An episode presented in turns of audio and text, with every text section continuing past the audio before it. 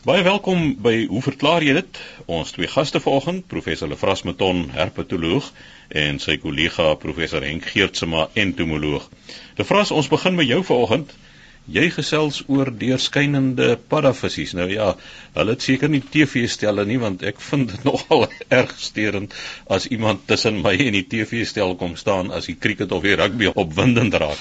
Nou, miskien moet 'n mens so deurskynende paddavissie daar in die huis kry wat uh, verhoed dat die TV-beeld uitgedoof word. Chris, ja. Ons het 'n brief ontvang van Nettie Skols Sy sê ek het nou die dag 'n aardige diertjies, goggas, in ons visdammetjie opgemerk. Hulle lyk soos paddavissies, maar is deurskynend en het twee tentakels aan die voorkant. Hulle is baie groter as muskietlarwes of ander waterdiertjies wat ek al gesien het. Wat kan dit wees? Nou, ek weet Henk sal seker nou dadelik dink aan insekte. Watse insekte kan dit wees? Hier's nog nie 'n foto by nie, so ek gaan hom nou voorspring en ek dink weer net watse padda of werveldier kan dit wees. So my antwoord is 'n werveldier antwoord. As dit dalk verkeerd is, dan kan nou Henk maar met 'n ander antwoord kom. Want ek weet die paddavissies van plat anders. Hulle is sulke deurskynende diertjies en ek weet ook hulle het twee tentakels. Dit is nou my leidraad wat ek het. So ek aanvaar nou maar dit is paddavissies en dit is die paddavissies van die plat ander. Ons het 'n tyd gelede vorige jaar op 'n kol gesels oor lavale stadia en dit bly vir my nog altyd net wonderlik dat mense werveldier kry wat ook 'n lavale stadium het. En paddas is natuurlik, ek sê nou paddas, die amfibieërs is die enigste groep van werveldiere op hierdie aarde wat 'n lavale stadium het soos baie van die ongewerveldes en ons het by daardie geleentheid ook gesê wat die moontlike voordeel mag wees van 'n lavale stadium. Nou mense kan nou maar kyk na paddas en paddavissies en Henk sal seker ook van die insekte iets sê dat die lavale stadium is altyd in 'n heel ander omgewing of habitat as die volwasse dier. Die padda is 'n landlewend of langs die water, maar hulle is hoofsaaklik landlewend en die paddavissies bly natuurlik binne in die water.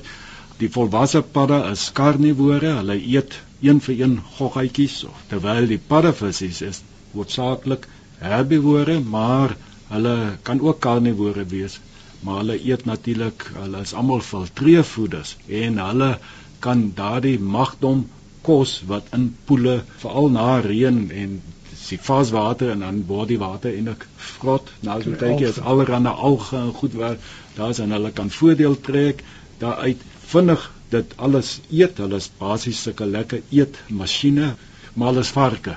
Hulle pomp net die kos in en die voordeel daarvan is dat die ouers, die ma, hoef nie klomp energie in die eiers te sit nie. Die paddavissies, daar's 'n stadium wat hulle self die energie uit die omgewing uithaal en dit laat die ma dan nou toe om 'n klomp eiers te kan produseer met min energie en vir paddas, ons weet padda eiers word, daar's baie predatore wat padda eiers gaan eet en dit is die balans tussen die omgewing. So hierdie paddavis larwes is 'n baie belangrike komponent in die ekologie van paddas. Dan nou kom ons terug na die paddavissies. Ons almal het al paddavissies gesien en ek dink die meeste van ons ken hom as so 'n bruinerige ding. Hy's redelik vormloos. Hy het 'n lang stert, 'n stert fin en hulle is gewoonlik maar so op op die oppervlak onder op die bodem van die poel.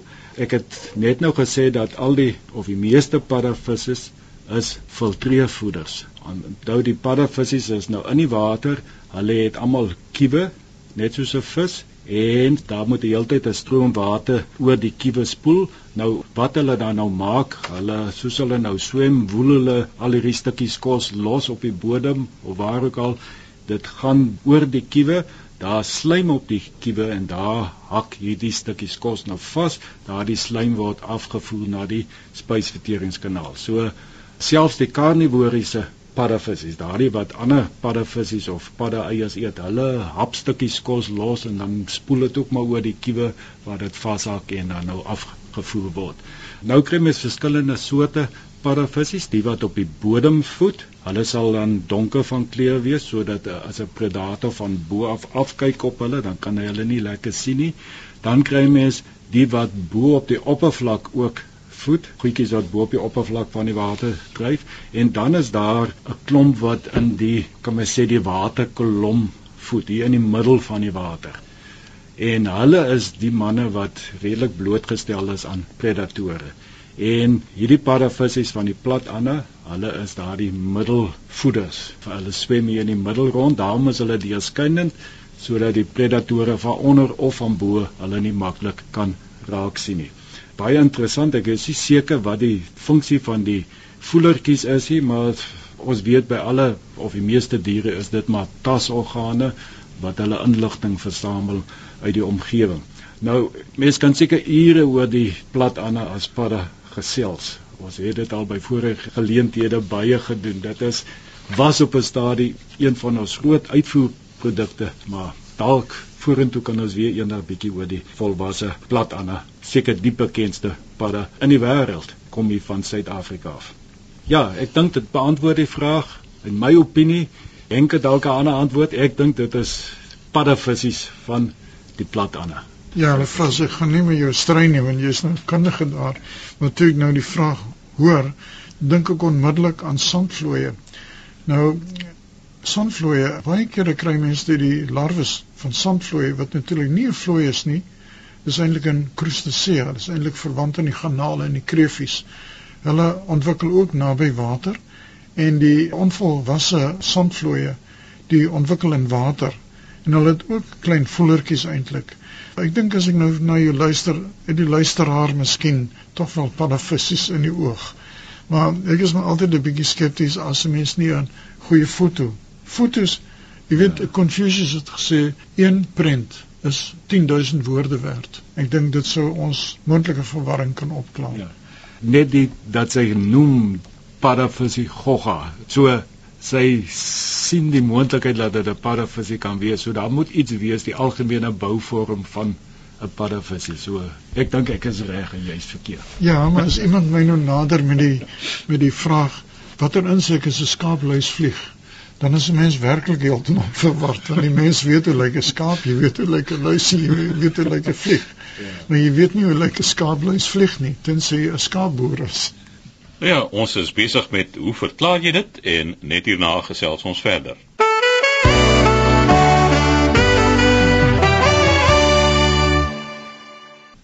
Ons gaan voort met hoe verklaar jy dit en ons twee gaste vanoggend professor Lefras Meton, herpetoloog en sy kollega professor Henk Geertsma, entomoloog.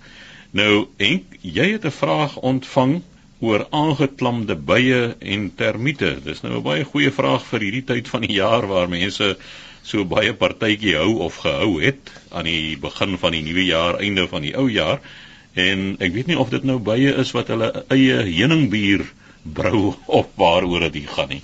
Ja, luister as mens net versigtig wees as mens aangeklam is, die verkeerspolisie is nie altyd aangeklam nie. Hulle klamp jou aan. Ek het hier so 'n vraag gekry van Piet Cronje Josef van Belwel en hy bedank ons dan vir 'n wonderlike program. Baie dankie. Dis ons 'n riem onder die hart soos hulle sê. Hy sê hy staan een sonoggend so in die kombuis en luister na hoe verklaar jy dit terwyl hy besig is om sy maal voor te berei. En hy het natuurlik voor op die vensterbank so 'n klein glasie met 'n paar druppels medium cream sherry daarin. Skielik maak 'n by sy verskyning. Natuurlik nou die bye wat kom is eintlik haar. So die by maak haar verskyning en sy ontdek die sherry en is al in en uit die glasie. Later was daar 4. Ek merk toe skielik die een by se onreëlmatige vlug. En wanneer die by gaan sit, stap sy in sirkels. Ek dink toe is dit projeksie want ek selfver sê die vorige aand 'n bietjie uit die kruik geskep. nou, hy sê hy staan toe in die skottelgoed was En so verant die water raak die een kerel heel permantig want hy kom aandreigend om my hande vlieg. Ek dink toe ek plan met die beweging van die skottel goed was, want drank verdra mos geen onreg nie. Nou vra hy kan alkohol 'n effek op insekte hê? Kan dit hulle verglustig maak soos party individue wat polisie koffie inneem? Nou meneer Cronje, ja, dis interessant. Sherry, medium cream sherry, natuurlik 'n baie hoë suikergehalte en jy merk heeltemal terug op dat dit skynbaar fruktose is want ek dink die wet laat nie toe dat sukrose by wynprodukte gevoeg word nie Maar die ding is nou, nou sê kom nie by natuurlik in die eerste plek die medium cream sherry ruik. Nou sherry het natuurlik alkohol in en alkohol neig om sekere aromatiese stowwe te kan oplos. En soos die alkohol verdamp, word die aromatiese stowwe vrygestel wat natuurlik weer 'n by sal lok. Nou aanvanklik sal daar net een by wees en as die by nou die voedselbron ontdek, gaan die by terug na die nes toe en vertel die storie deur die sogenaamde bye dans. Dames, hier is nog 'n bron vir voedsel om te kry. En dan volg die ander op die spoor na die sherry toe. Goed, nou geniet hulle onsself so bietjie. Nou sê men die kronje daarso met die ene nou so bietjie met die een voet so bietjie mank in die omtrek geloop. Nou wat hier gebeur is dat die by se poot raak besoedel met die sherry. En bye is eintlik baie skoon diere op hulle self. So nou is die een poot is nou 'n bietjie taaierig en dit is nou wat die rondloop vandaan kom. Die feit dat Piet Kronje nie skool goed gewas het Die ding is baie kere kan 'n mens vind dat die suikerkonsentrasie te hoog en die bye soek water om dit te verdun. En dit kan 'n rede wees, maar as hulle beslis nie die hand wat hulle gevoed het of gedrink het, sal hulle nie byt nie of steek nie. Maar alkohol kan 'n effek op insekte hê, want net soos by die mens, alkohol het 'n effek op jou senuistelsel. Met ander woorde, by die mens mag dit byvoorbeeld jou sekere inhibisies wegneem en so aan. En dieselfde gebeur dan by die by. Natuurlik bye het nie noodwendige inhibisies nie, maar hulle gedrag raak onnatuurlik eintlik. Met ander woorde, omdat die sinusiestelsel hulle teruglei na hulle nes toe, mag dit wees dat hulle die nes net nie raak sien nie en hulle die pot as dit ware mis sit. Dit laat my nou onwillekeurig dink aan daardie film of fliek wat sit Yami Ice wat die diere so gesuiker. O die uh Bobiane wat die marula so geëet het. Ja, en, ja. En, en die olifante en nog 'n hele paar ander diere, ja. Ja, maar skynbaar, ek weet nie of dit heeltemal ja, waar is nie. Maar dis nou tipies filmmateriaal. Mense moet nie altyd glo wat in die flieks gebeur nie. So sover dat die sherry die aangeklamde bye, sien die bye kan wel aangeklam wees. Wat wel interessant is, ons ken almal wel miskien ken ons nie almal nie Pittosporum is 'n redelike bekende tuinplant. En as Pietersporum blom, dan word dit druk besoek deur heuningbye. Maar die blom van Pietersporum bevat sekere komponente wat eintlik giftig is vir heuningbye. En die mense vind baie kere dat onder so bloeiende Pietersporum dat daar hope bye is wat daar rondspartel wat net nie meer terug gaan nes toe nie. En dit klink nou vreeslik wreed komende van iemand wat hou van insekte, maar ek trap die by dood want die by wat op die grond spartel sal nooit weer teruggaan na die nes toe en al wat die by gaan doen is net onnodige lyding hê. Maar dit is baie interessant dat sekere blomme is giftig vir bye eintlik. Ek wil daarom net daar vra Henk ek neem aan jy's nie kaalvoet as jy hulle doodtrap nie. As jy dik vellig is kan jy maar kaalvoet wees. Henk ek dink ook sommer dadelik aan iets wat my nou meer pla as die bye is hierdie wynvliegies wat al ewig as mens bietjie buite sit en 'n glasie rooi wyn geniet. Hierso laatmiddag as jy net jou rug draai en jy kom terug dan is daar letterlik 'n hele laag van wynvliegies in die glas. Ja, die wynvlie wat ek ken is die ouens wat na 'n rugbywedstryd of 'n politieke vergadering in die kroeg gaan sit en verder debatteer. Wat is eintlik van praat is asynvliegies. Dis Drosophila. Daar's 'n hele paar genera in die groep En natuurlik die genetiese onder ons sal alles weet van Drosophila, want meeste genetiese werk, kromosoomwerk is gedoen met die asynvliegies. Mense kyk baie kere, selfs ons studente wat afstudeer, praat nog steeds van vrugtevliee, terwyl hulle eintlik asynvliee bedoel. So vergeet nou maar van die wynvliee. Maar wat hier gebeur, die asynvliee word aangelok na die ontbinding van alkohol. As alkohol bevoel ontbind, kan dit byvoorbeeld etielacetaatagtige stowwe vorm wat ook natuurlik aromaties is en waarop hulle dan afgaan. Want as alkohol ontbind na asynsuur, dan skep jy die regte medium vir eierlegging. Want die larwes van asynvliee ontwikkel op verrottende vrugte. Hmm. En verrottende vrugte het aromatiese komponente wat dan omskakel na asynsuur wat eintlik 'n geredigeerde vorm is van jou reuk in 'n wynglas. Ek wil nou vir jou gesê het maar dit is net na die rooi wyn toe maar ek drink net rooi wyn. So kom hulle ook na witwyn toe. Hulle sal ook na witwyn toe kom. Jy weet dit laat my dink aan ehm uh, hier by die universiteit is daar eendag 'n vraag gevra of ons swart wynmakers oplei en die betrokke persoon by die universiteit het baie lank die vraag ontwyk en hy het later aan gesê nee dame ons lei net wit wyn en rooi wynmakers op. so mense kry eintlik swart wyn, dis wat ek wou sê. Ek vra die vraag want mense sou dink dat daar baie meer asyn of suurheid in rooi wyn is of dit nou niks met die storie te doen het. Nee, dit eintlik omdat die wyn wat teen die rand van die glas is, begin al ontbind as dit ware en vorm dan asynsuur wat 'n aanlokkingsstof is vir die asynvliegies. Maar ek stem saam, selfs melk kyk melk suur kan ook aanbind. Kry mens baie keer 'n asynvliegies in die melk self as die melk lank oop staan. So dis nie onnatuurlik nie, maar vergeet maar van wynvlieg. Ja nee, ek het nou gedag is nou melkvliegies. Nee, jy kry melkmeisies. en op daardie aangeklamde noot beweeg ons aan na ons volgende vraag. Dis gerig aan Lefras Beton en Lefras, jy praat oor slange. Erika Roo van Caledon.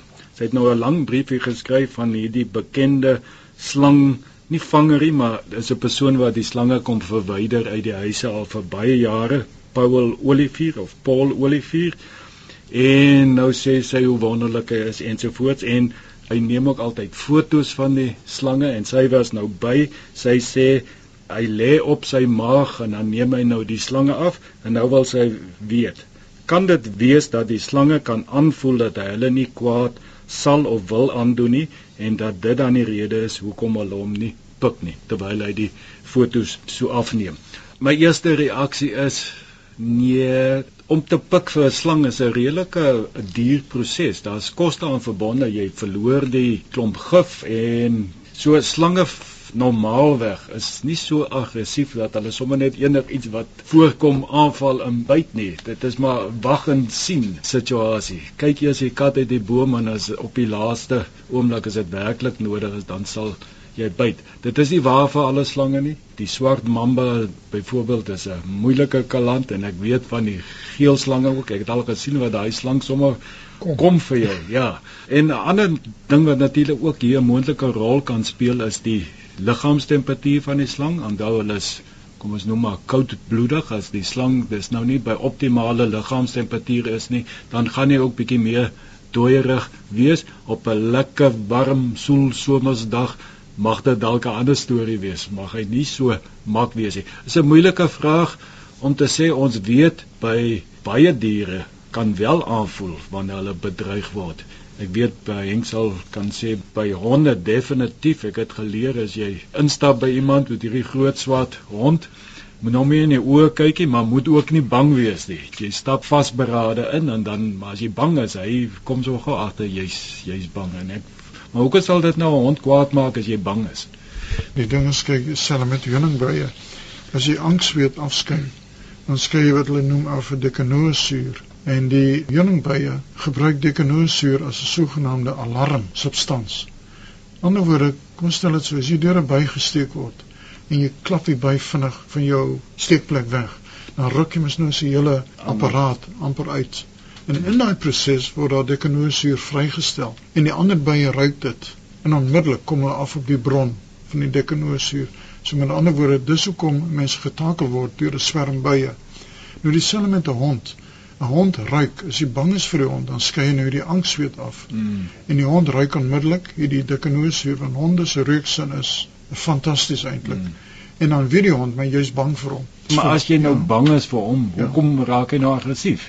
Omdat jy is 'n indringer. Hoe so hy wil baklei my, wil hom eers nou kyk of hy gaan wen of verloor. So as jy nie aggressief is nie, as hy agterkom jy's bang dan dink jy wag, hierso gaan ek wen.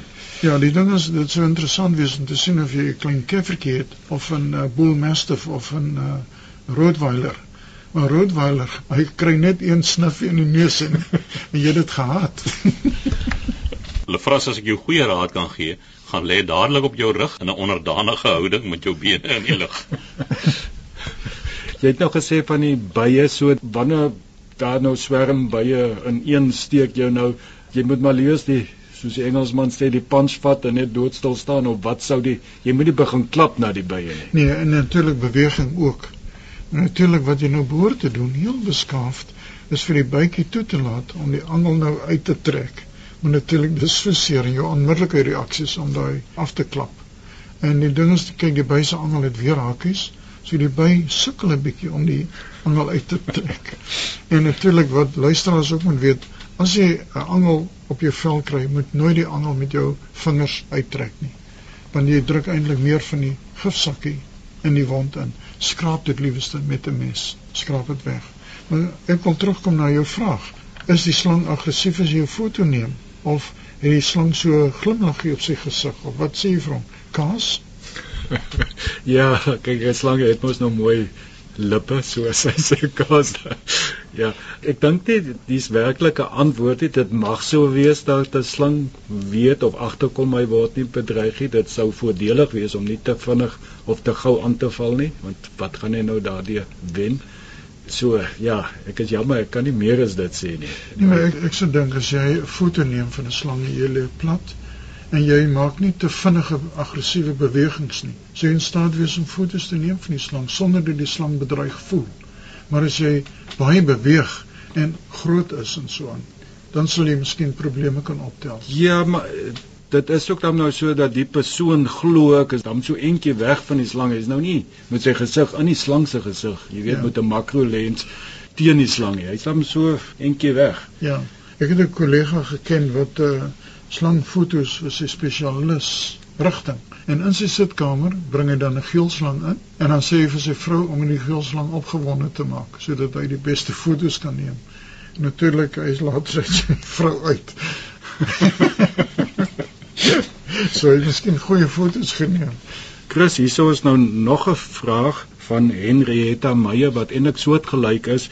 Dis nou oor Likawane. Sy het aangekom by 'n plaas of 'n plek wat hulle nie gekoop het of aftreeoort en die honde se hare het dadelik regop gestaan toe hulle agterkom daar's Likawane in die dak. En nou wil sy weet skei die Likawane ook 'n reuk af laat die honde dit nou agterkom en alle diere skei maar of hulle nou wil of nie daar is maar 'n reuk aan verbonde en natuurlik jou predatore katte en die honde en ander predatore die meeste van jou soogdiere, hulle maak natuurlik staat op reuk. So hulle baie goed ontwikkelde reukvermoë en hulle kan hierdie predatore definitief ruik al kan hulle hulle nie sien nie en dit is 'n reuk wat vir hulle vreemd is en dalk oer instink dat dit is 'n gevaarlike ding of wat ook al.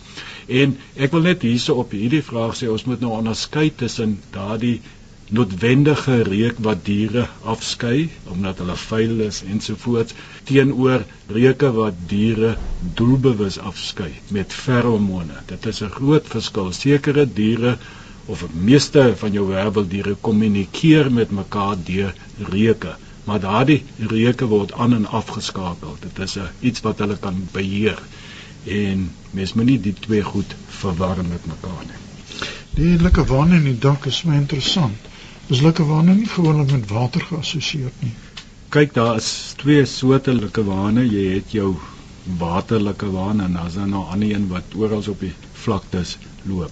Wat interessant is van die likkewane, hulle is nou seker ons grootste akedus in Suid-Afrika en hulle is net in die warmer dele. Omdat hulle so groot is en koudbloedig is, Jy kan maar kyk hier in die Weskaap, hulle hou sy in die Karoo op en dan moet jy hele entjie noordreis. Jy kom trend by tot by Springbok rond, dalk 'n bietjie verder voor jy hulle weer kry. In die winter is dit net te koud hierso. Al die wolke wat ons het, die reën. Ek het nou die dag toe by Koelsberg verbyry het op die teerpad nou trend so lank is dit 'n akedus of 'n likkewaan? Nee, dis likkewaan daar. Ja, ja. 'n meter lank. Ja, dis likkewaan. Is dit? Ja die lotikus. En hy kom in daai area voor. Ja, daai hele Karoo area. Want die waterlike waan het my melk al laat wegskrik. Want die ding is nou loop jy langs die rivier en jy met jou skoen op 'n netjie en skielik plons jy die ding in die water. En dit is 'n groot geplons. Ek meen jy jy skrik werklik. Want ek dink hy lê daar heeltyd op die bank of iets ja. totdat jy net effens te naby kom.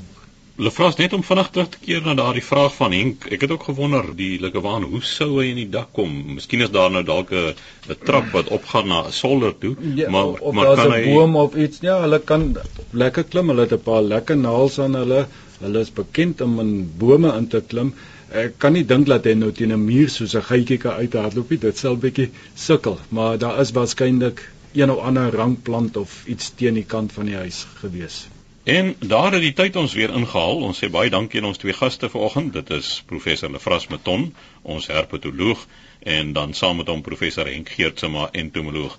Skryf gerus aan hoe verklaar jy dit? Posbus 2551 Kaapstad 8000 of stuur 'n e-pos aan chris@rsg.co.za.